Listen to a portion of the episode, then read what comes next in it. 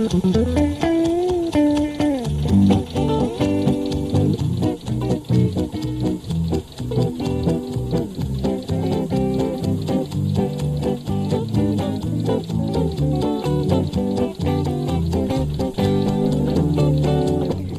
och välkommen till Traktorpodden. Det här är podden som bara handlar om veterantraktorer och det kan bli hur nördigt som helst. Jag heter Helena Wenström. Och jag heter Lars Wernersson. I förra poddavsnittet handlade det ju en hel del om John Deere. Vi träffade kännarna Johannes Kalamnius på Gotland och Nils Gunnar Fredriksson i Skåne. Och nu kör vi helt enkelt vidare i grönt och gult. Ja, vi har varit i Amerika och bland annat tittat på ett verkligt udda och unikt föremål ur traktorhistorien. So the top of the shorts go to about right here. Okay. So you can kind of see the, the line there. We think he was maybe about six feet one inches tall. So he was fairly fairly tall. Den långe man är 1,85 lång som Neil Dahlström, chef för John Deere Archives, berättar om här är ingen mindre än John Deere som grundade företaget. Och det som han visar upp, dyrgripen, är John Deers baddräkt som hänger precis innanför dörren inom glas och ram när vi kommer in i arkivet. Är det någonting som du skulle vilja ha på dig och bada i, Lars? Nej, jag tror inte det. Den är i ylle och jag tänker att det kanske inte är särskilt bekvämt eller praktiskt.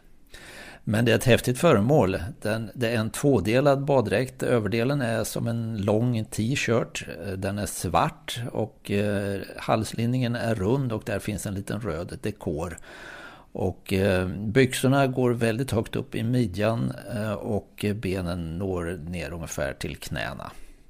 Ja, svart har det nog varit en gång i tiden, men det ser ut som att den är flitigt använd också. Eh, mörkgrå kanske man ska säga snarare nu för tiden. Och eh, Neil Dahlström förklarar för oss att det, det, som gör föremålet unikt är att det faktiskt finns också med en lista på alla ägare som har haft den här baddräkten. Det är det som gör att man verkligen vet att det var John Deeres baddräkt från mitten av 1800-talet. So, so this was given to the archives by William Hewitt. And he also gave us a piece of paper that listed all the previous family members who owned it. So for us, that's really important. Without that documentation, it could be anyone's suit. Ja, och det lär ju inte finnas så mycket sådana här personliga saker efter John Deere. Så att eh, Neil Dahlström uppskattar verkligen att den här baddräkten finns i detta storslagna företagsarkiv. Bredvid tavlan med baddräkten på väggen så finns det också en byst i guldfärg av John Deere. Vi hör Neil Dahlström igen. And that's Mr. Deere. He went to a sculptor in Chicago just a few years before he died. And if you were a man of importance, they put you in a toga.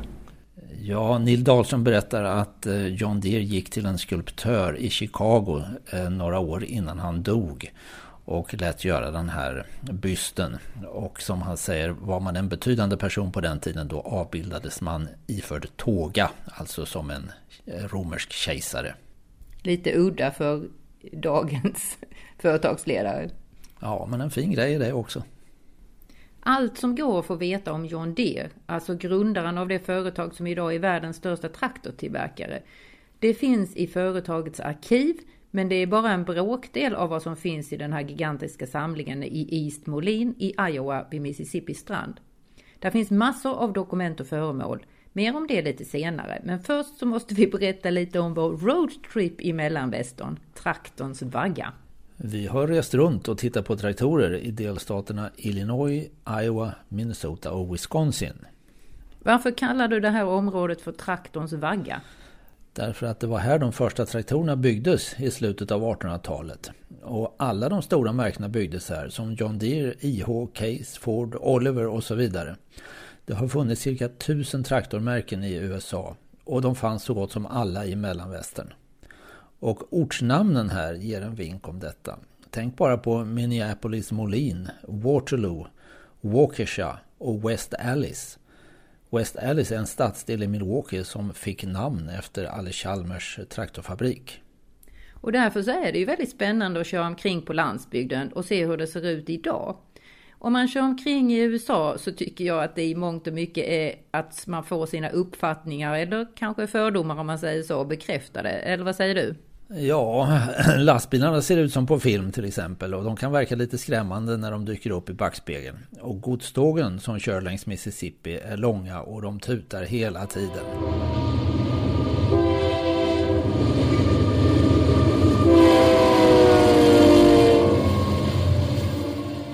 Bilhandlarna har verkligen vimplar runt begagnat lagret längs gatan. Alla dörrhandtag är runda och det står sheriff på polisbilarna. Och man kan se vithövdade örnar från bilen när man är ute och kör. Alltså nationalsymbolen som också Case använde som symbol. De hade en örnfigur som gick under namnet Old Abe. Det ser ju ut också som att det odlas mest bara majs och sojabönor. Bitvis är landskapet rätt så platt, prärie alltså, och ibland så är det lite mer böljande. Och det finns verkligen svenskbygder som vi körde igenom. Till exempel så får vi genom orten Stockholm. Men det var ju inget stort Stockholm utan där bor bara 66 invånare. Mitt i byn så finns det en hemslöjdsbutik med en dalahäst utanför. Och jag var ju tvungen att gå in och kolla hur det såg ut där inne. Och storsäljaren där inne i butiken, vad tror du att det är? Snus? Nej, faktiskt inte. Brännvin då? Nej, det, du kan inte gissa. Potatismjöl och Öners flädersaft är det som går bäst. Jaha, men en sak är i alla fall klar. I det här området finns det gott om gamla traktorer. Och om man kör på lite mindre vägar ser man att jordbruket inte bara består av jättefarmer med midjestyrda präriebjässar utan det finns också en hel del småbruk och på dem hänger de gamla 60 och 70-talstraktorerna kvar. Och äldre ändå. Vi såg flera tvåcylindriga och hyttlösa John Deere i full fart med att stränga hö i vallskörden. Julräfsor finns det också gott om här uppenbarligen. Reminding me of the first time I ever saw him. You go. When he stopped and asked directions to Roseman Bridge. moment when there was nowhere else to go except towards love. Känner ni igen det här? Många av er har säkert sett den passionerade kärlekshistorien Broarna i Madison County. Den filmen med Clint Eastwood och Meryl Streep. Den spelades in på 1990-talet vid en av de täckta broarna i området Roseman Bridge heter den. Och vi kunde inte låta bli att åka dit när vi var i trakten ändå. Vi var i närheten av Des Moines som är huvudstad i Iowa. Vi körde därifrån till den lilla orten Winterset. Och vad tror ni att vi passerade när vi körde vidare på grusvägarna där? Jo, gamla traktorer förstås. Det blev en riktig traktorspaning här också, fast utan romantik. Bara någon kilometer från Roseman Bridge såg vi traktorerna i Madison County. Ja, några av dem kanske i alla fall. På ett fält nedanför en gård stod ett halvdussin Alice Chalmers traktorer. Och jag gjorde som i Sverige, knackade på och pratade med ägaren. Ut kom Ken Klingaman som kör Alice Chalmers 7050 och 7080 från 1970-talet till exempel. Och så har han ett exemplar av den stora midjestyrda 7580 på uppåt 200 hästkrafter. Och alla de här har eh, likadana 7 liters sexcylindriga motorer och snarlik uppbyggnad. Så man kan ta en del från en traktor och sätta på en annan. Och det tilltalar Ken Klingaman. De är billiga förklarar han, för ingen annan vill ha dem. Alltså kommer han över dem billigt på auktioner och så vidare. Och han använder dem i jordbruksdriften. Sen när vi körde österut så övernattade vi på ett motell i en liten ort som heter Kolfax. När jag tittade ut bakom motellet så såg jag någonting som jag var tvungen att tipsa dig om Lars. Annars så hade du nog misströstat. Ja, det var den största traktorskroten som jag har sett. Där fanns eh, tusentals traktorer och tröskor. Och eh, inte nog med det, ägaren Benny Buckley hade söndagsöppet. Och eh, den här dagen skulle han bland annat skeppa iväg en John Deere tröskmotor till Mexiko. Och där skulle den sättas in i en traktor. Han exporterar delar till eh, ja, alla möjliga länder och världsdelar. Men så vitt han kom ihåg så hade han inte exporterat något till Sverige än. Fast när du ställde frågan så sa han ju Sydafrika. Ja, det kan ju gå på ett ut, Sverige eller Sydafrika. Men en skrot är alltid ett fascinerande ställe. Där kan man bevittna alla stadier av förgängelsen så att säga. Och just på den här skroten fanns förstås eh, för en svensk ovanliga märken och modeller. Så det blev en intressant eh, rundvandring där. Och en bra bit längre norrut i Wisconsin, i en ort som jag faktiskt har lite svårt för att uttala, där finns en man med en rejäl samling IH-traktorer. Ja, i Oconomowoc, där bor George Monis, numera deltidsbonde. Och han kör med lite speciella traktorer, nämligen IHs 50-serie. Det var riktigt fina traktorer, men de kom i helt fel tid, när både IH och konjunkturen var på botten i början av 1980-talet. Eh, de här traktorerna är nästan okända på den här sidan Atlanten så det var kul att se dem och reportage kommer i Traktor så småningom. Efterträdaren till de här 50 traktorerna eh, hette Magnum och det blev ju företagets räddning. Då hade ju IH och Case fusionerat så att Magnum var ju den första gemensamma traktorn. Jag trodde ju att du skulle berätta om vad du och George och hans fru Elaine gjorde i kyrkan. Ja, eh, George tog med mig till den lokala kyrkan där, där han var aktiv. Eh, för där var det en Ice Cream Social den här eftermiddagen. Det är ett evenemang där eh, församlingsmedlemmarna samlas, äter hamburgare, dricker läsk och äter framförallt jättelika banana split-glassar. Och just den här gången så uppmanas folk att ta med sina entusiastfordon. Och det fanns gott om väldigt fina amerikanska bilar från alla epoker och en hel del traktorer också. Det finns ju massvis att se överallt. Till exempel i en liten stad som vi körde förbi längs Mississippi. Där fanns det en väldigt fin nostalgimack med två otroligt fina renoverade Ford-traktorer utanför och en massa renoveringsobjekt. Tyvärr var macken stängd när vi var där. Lite längre bort så stannade vi skulle köpa glass och då körde förbi några traktorer som var till salu. Ägaren var inte hemma men en spekulant stannade till där. Han hoppade ur sin pickup och i framsätet såg vi att han hade ett gevär liggande. Inte sådär helt vanlig syn för en svensk. Nej, så är det säkert. Ehm, den här mannen eh, visade sig vara väldigt sakkunnig på de här traktorerna. Vi tittade på en John Deere 60 och en Farmal M. Eh, han sysslade inte med jordbruk eller traktorer. Han var vapenhandlare och han hade precis kommit från skjutbanan där han hade provskjutit ett vapen. Så han skulle hem och göra rent det. Men han passade på att stanna och titta på de här traktorerna. Och han var väldigt glad för att prata och det gäller ju för övrigt alla amerikaner. Men den här mannen pratade traktorer väldigt länge. Vi kom knappt därifrån.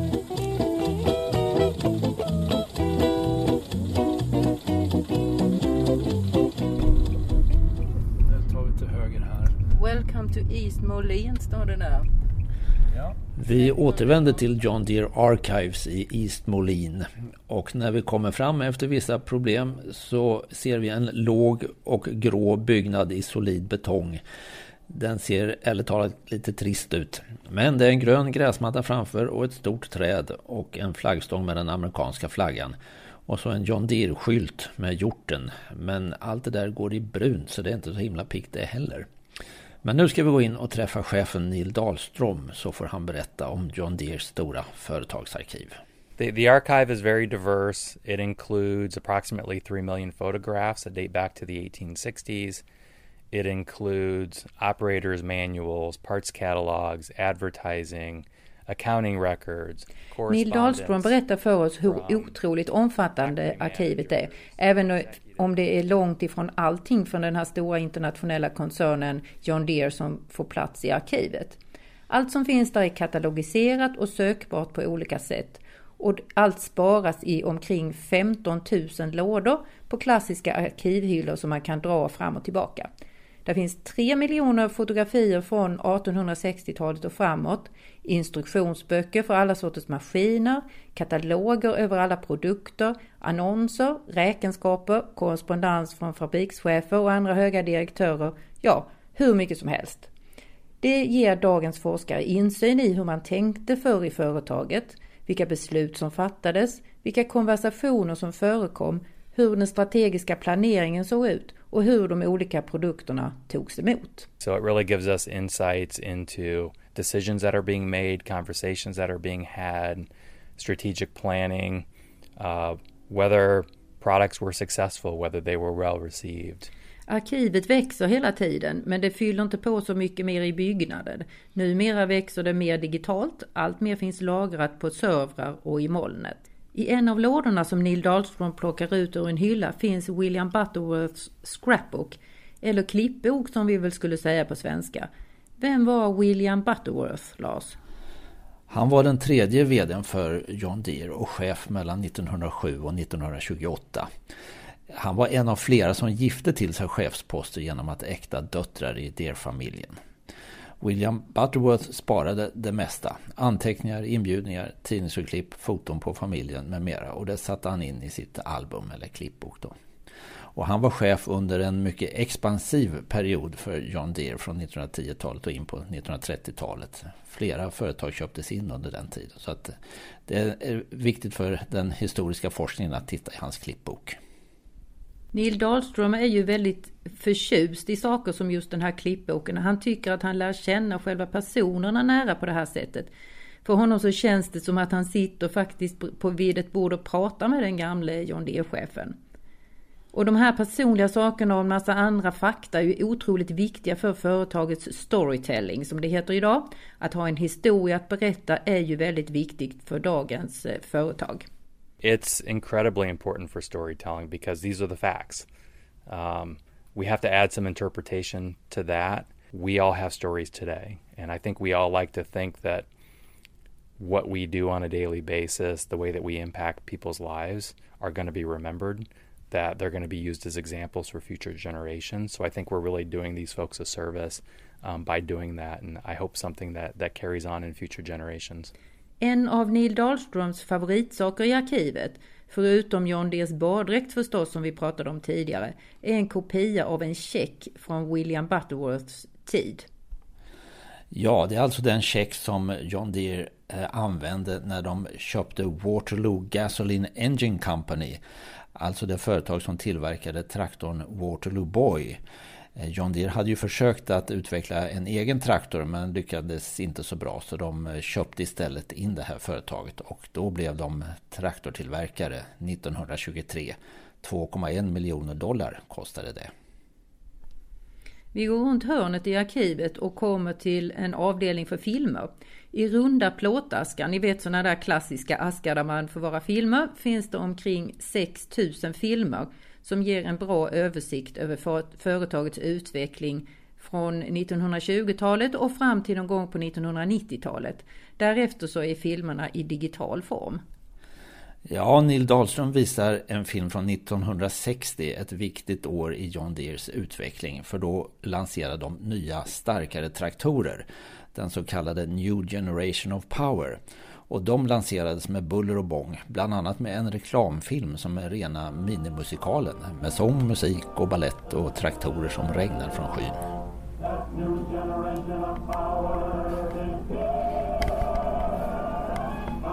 They'll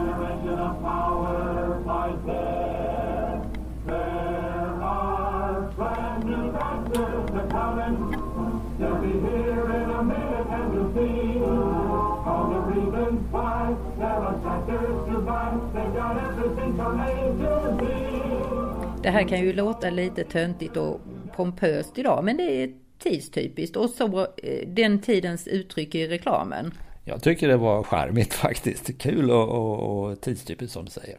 Det här var ju medan William Hewitt var chef för John Deere, han som alltså donerade baddräkten som Neil Dahlström berättade om i början. Vem var William Hewitt? Kan du berätta lite mer om honom Lars? Ja, han var den sista ur grundarfamiljen som styrde företaget. Eh, han var chef 1955 till 82. Och under hans tid så hände stora saker i företaget. Det expanderade utomlands till exempel och de här nya fyr och sexcylindrar lanserades som sagt. Och ett nytt huvudkontor eh, stod klart 1964 i Molin. Han var lite speciell eh, av många skäl. Han köpte till exempel in konst från hela världen, alla sorters konst. Och tanken med det var att hans medarbetare skulle inspireras av konsten och tänka utanför boxen som det heter idag. Mycket av den här konsten hänger på väggarna i John Deeres anläggningar världen över, men en hel del finns förstås i arkivet. Du pratade lite här om huvudkontoret det är ju en helt annan sorts byggnad än den där betongbunkern som arkivet är i. Huvudkontoret tycker jag nästan mer liknar eh, en form av konstmuseum. Ja, huvudkontoret eh, ritades av Eero Saarinen, den berömde finska arkitekten som har eh, ritat många stora företags eh, huvudkontor. Och John Deers eh, huvudkontor är mycket stort och mycket vackert. Det är inrymt mellan kullarna i ett parkliknande område. På tal om konst och design, eh, ett annat namn som har spelat väldigt stor roll för John Deere, det är ju industridesignern Henry Dreyfus. Ja, han arbetade för John Deere eh, på, från 1930-talet och i tre decennier framåt. Han började med att snitsa till traktorerna lite grann så att de inte skulle se så antika ut då i slutet av 30-talet. Hans skisser finns i arkivet. Han formgav en hel del, inte bara traktorer utan också eh, till exempel logotypen med hjorten. När den skulle moderniseras eh, så var det Dreyfus som gjorde det. Och när de skulle bygga det här nya huvudkontoret så var Dreyfus smakråd när ritningarna från olika arkitekter skulle granskas. Och man förstår att Dreyfus eh, kom familjen Deer väldigt nära. Det kan man se bland annat i ett brev som Neil Dahlström plockar fram. Det är från Henry Dreyfus till eh, William Hewitts son Sandy. Och han skriver, kan du vara snäll och gå och leta efter min favorithårborste som jag förmodligen glömde i badrummet. Den känns igen på några grå hårstrån i den. Och så är det en ritad borste i brevet. Det är oerhört charmigt.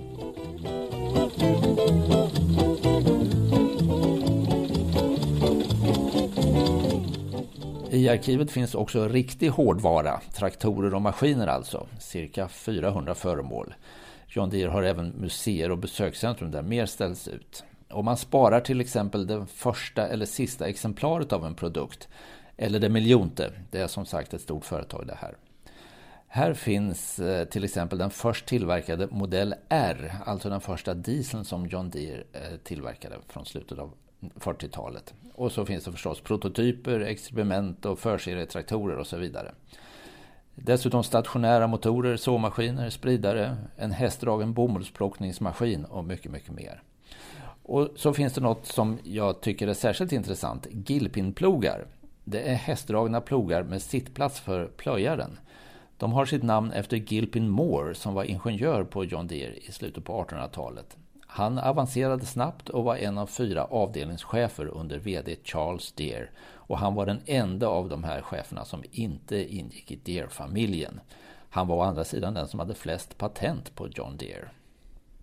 Det här var ju en hel del om företaget men inte så mycket om personen John Deere. Kan du göra en liten sammanfattning om John Deere?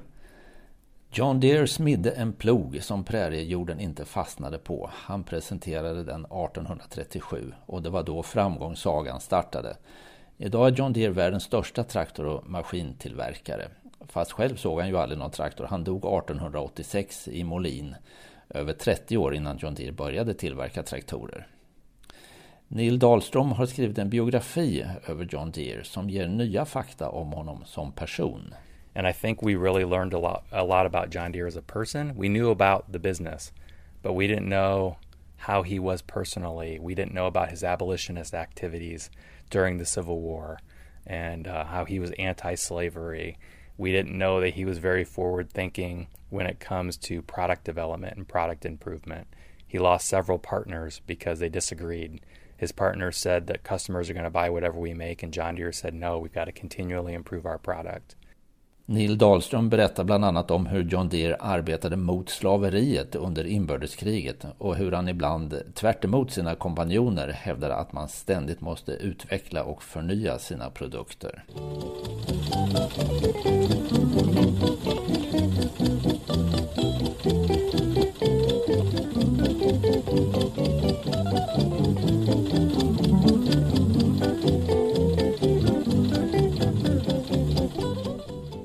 Nu känner vi personen John Deere lite bättre också. En storvuxen och som det verkar en moraliskt högtstående man som badade och som smidde en plog. Nästa traktorpodd kommer den 22 november. Då lackar det mot jul så det blir lite julstök och så träffar vi Olle Hemmingsson, mannen som står för musiken här i podden. Du har väl hört kompet? Viktor på tomgång. Tack så mycket för att du lyssnade. Hej då! Vi hörs!